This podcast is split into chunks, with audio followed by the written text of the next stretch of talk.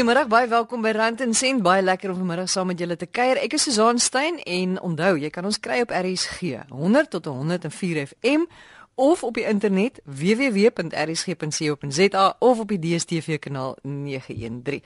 Nou vanmiddag gaan ons gesels oor minister Pravin Gordhan se begroting van voorverlede week. Ek weet dit is nou alreeds deeglik in die media bespreek, ook hoe dit nie genoeg is om Suid-Afrika te red van 'n afgradering na rommelstatus nie. Maar spesiaal vir ons rand en sent luisteraars want ons kyk 'n bietjie uit 'n ander hoek na die dinge. Presies wat beteken dit nou eintlik en watter impak gaan dit hê op my en op jou en op ons lewens en op ons beursies? Ons gaan nou hoor wat die menings van 'n paar luisteraars is hieroor. En terwyl ons nou van begrotings praat in deel 2 van ons program, kan jy gerus luister as jy die eienaar is van 'n klein sakeonderneming want ons gaan kyk hoe belangrik dit is om jou begroting en jou profit behoorlik te bestuur, veral in hierdie moeilike tye waarin ons ons bevind. Maar eers, die begroting wat al ons Suid-Afrikaners raak. Sebilon Afrika is 'n ouditbestuurder by die ouditeur-generaal se kantoor en hy's 'n kenner van die ekonomie en die uitwerking wat dit op ons land en ons mense het. En Sebilon, ek wil net gou kortliks by jou hoor. Wat het vir jou uitgestaan van die begroting? Die begroting het basies op drie punte gefokus. Dit sou wees dat die regeringsspandering moet verminder word, dat die inkomste wat die regering moet inkry moet vermeer en dan ook om die rommelstatus te adresseer. So die goeie punte van van die wat ek kan opnoem is dat daar was toename in Texas, maar meer op die ryker persone in die land in. Dan daar was ook stappe geneem om die onkoste wat die salaris vir die regering kos dat dit te verminder word. Dit was met 25 miljard rand se beplanning om oor 3 jaar dit te verminder. Dan is daar ook gelde wat geallokeer is na jou universiteite om om die onkoste te dek van geen toename in die fooie nie. Dan is daar ook om die droogte wat in die land is te finansier. BTW was nie toegeneem nie, het nie toegeneem nie. En ek dink dit was maar nie, meer 'n besluit sodat dit die verder inflasie sal toeneem in die, in die land nie.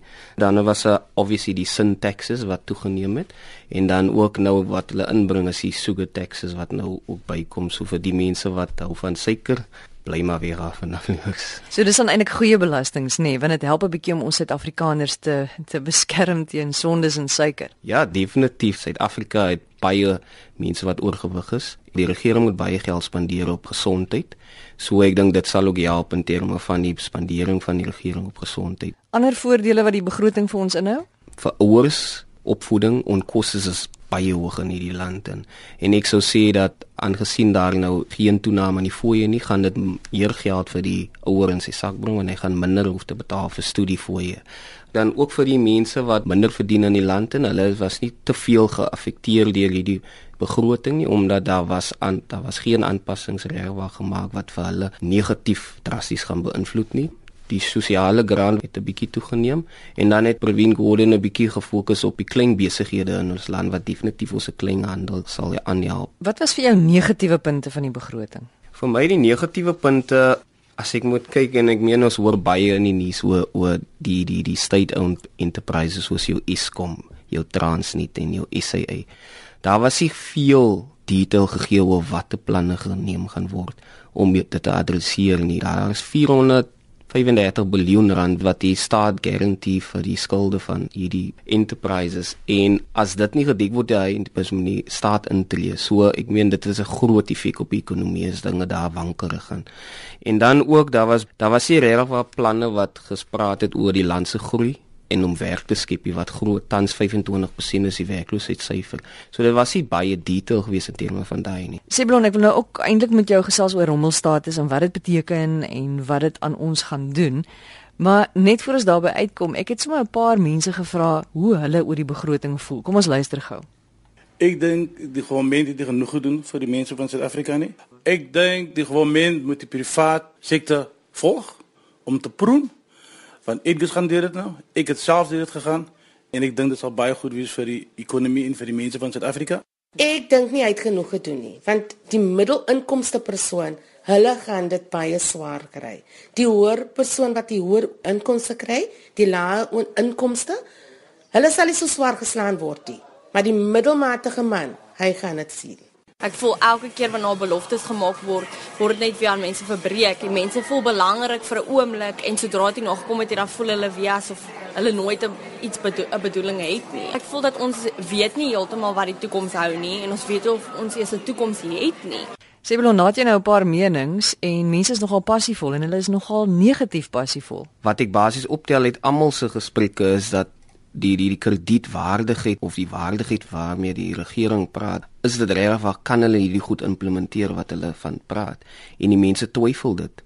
En dit gaan afhang van die regering nou in die toekoms en om vir die mense te bewys kan ons doen wat ons gesê het. Dit is mos 'n woord 'n eer. En dis wat die mense wil sien.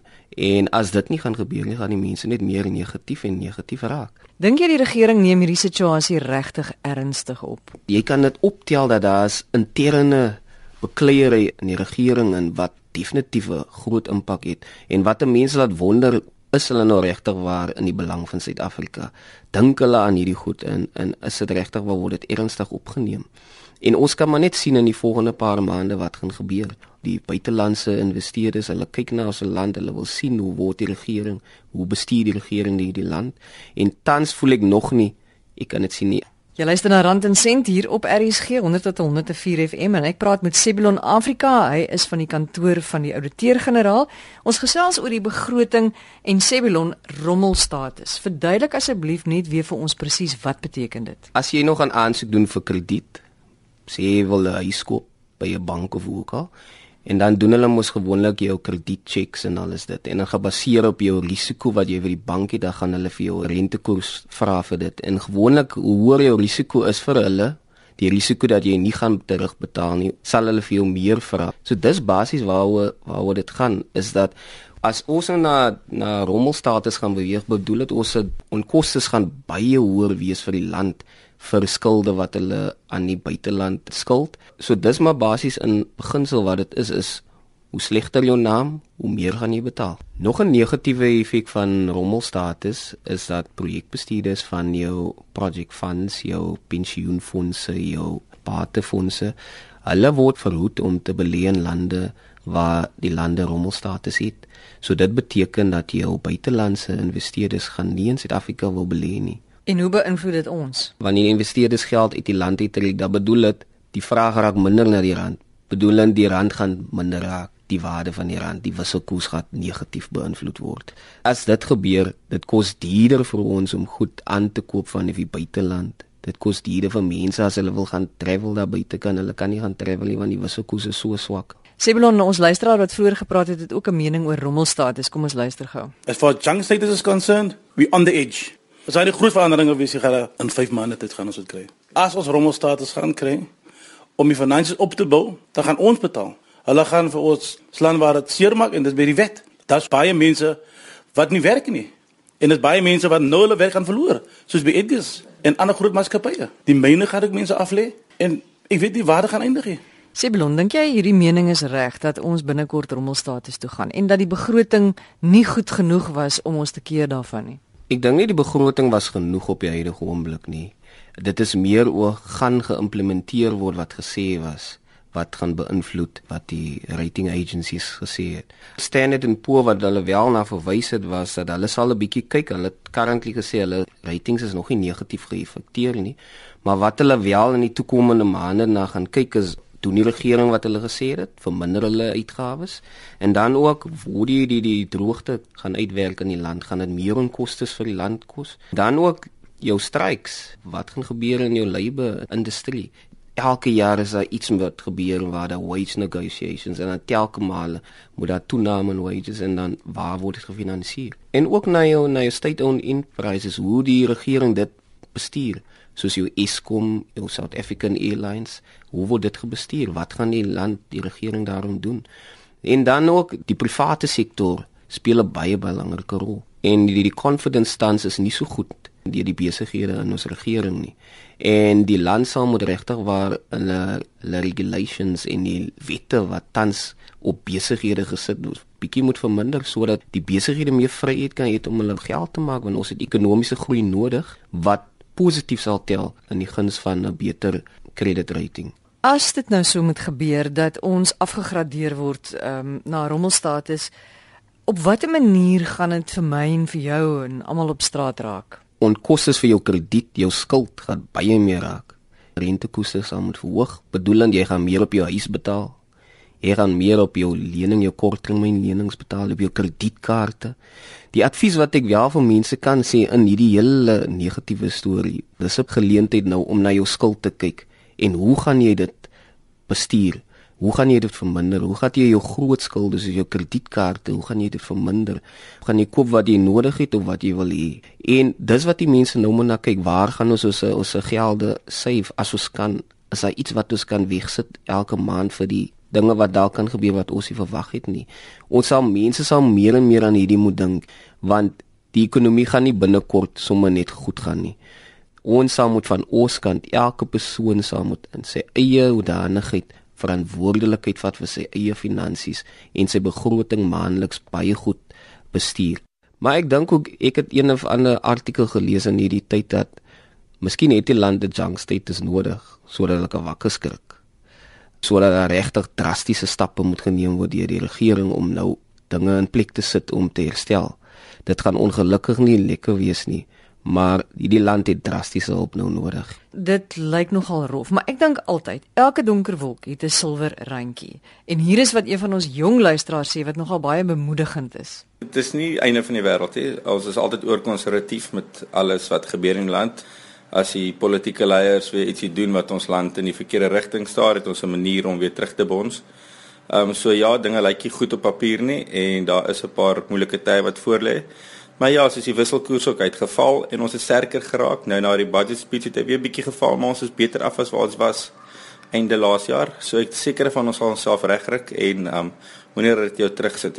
Ek dink die luisteraar wat nou daar gepraat het, praat wyse woorde ja, op nie ons gaan nou gaan moan en sit en wonder nou maar wat doen die regering? Maar wat doen jy as 'n persoon, as 'n individu in hierdie land om hierdie land te verbeter? Ja, ons het baie verskonings. Ja, maar ek kan nie dit omdat dit, ek kan nie dit omdat dit. Die lewe raak nie makliker nie. Dit gaan moeiliker raak, maar jou attitude towards die lewe is wat gedetermine wat jy gaan uitkry uit die lewe uit. So as ons positief is mense, sal ons positiewe resultate kry as 'n individu en hoe meer en meer positiewe mense ons kry in ons land, hoe meer en meer sal ons land groei. So mense laat ons positief is, hierdie dinge gebeur. Dis al oor jare, oor eeue wat dit gebeur waar die lande se ekonomie afgaan en dan gaan dit weer op en af.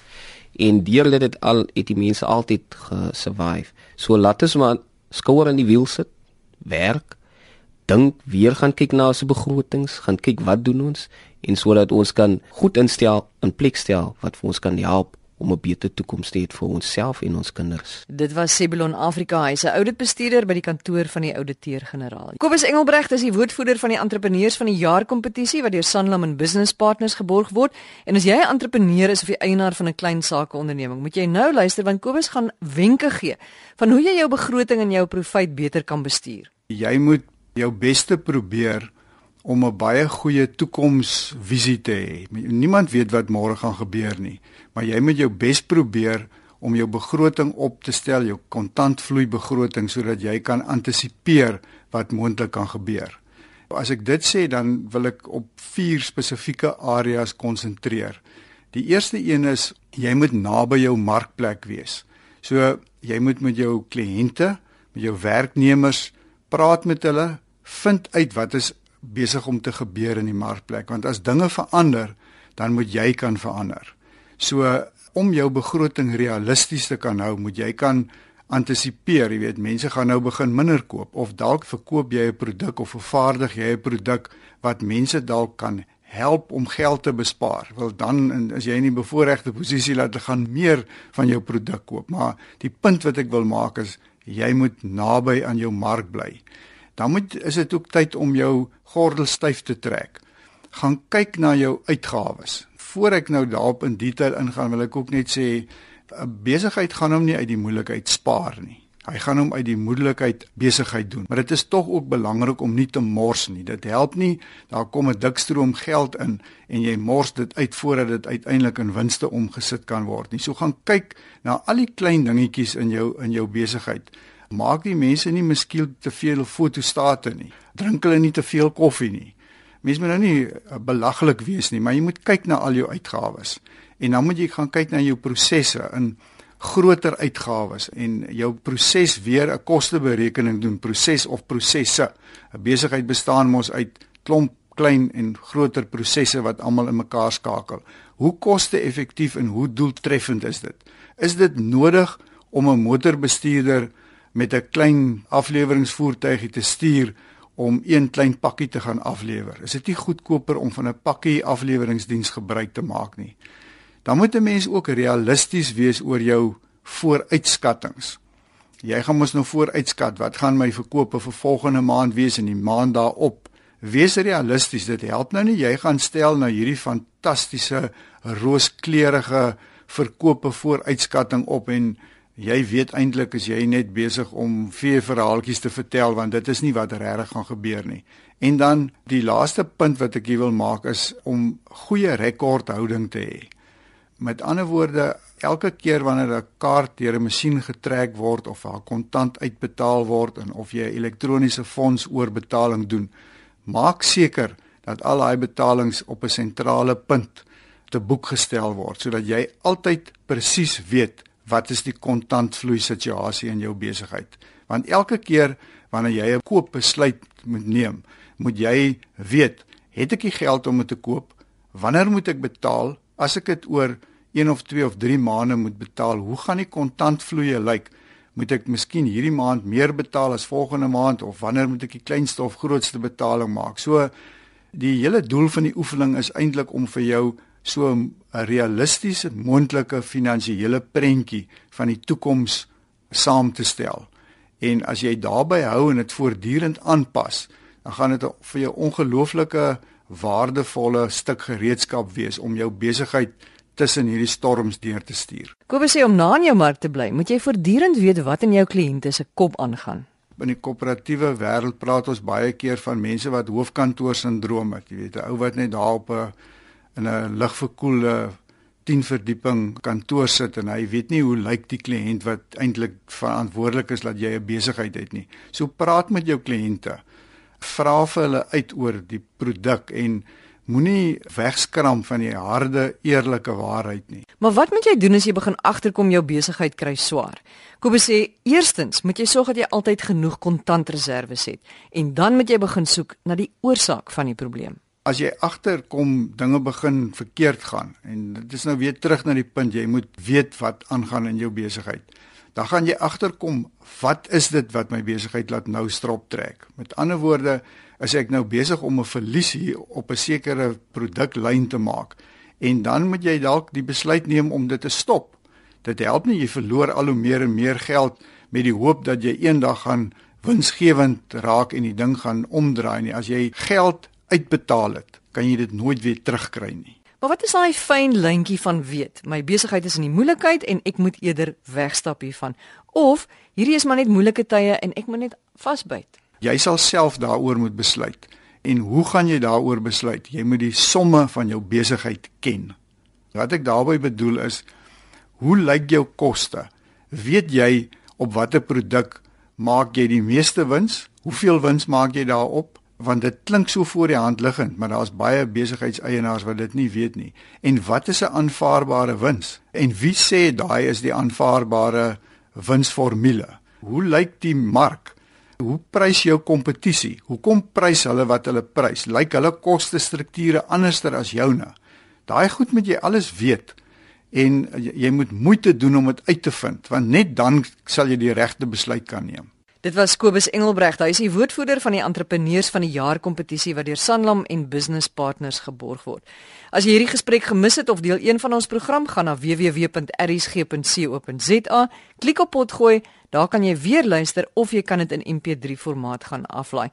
Ons e-posadres rsg@gmail.com stuur gerus jou vrae of jou voorstelle. Ek is Susan Stein, baie dankie vir die saamluister. Volgende Sondagmiddag 5uur doen ons dit weer. Totsiens.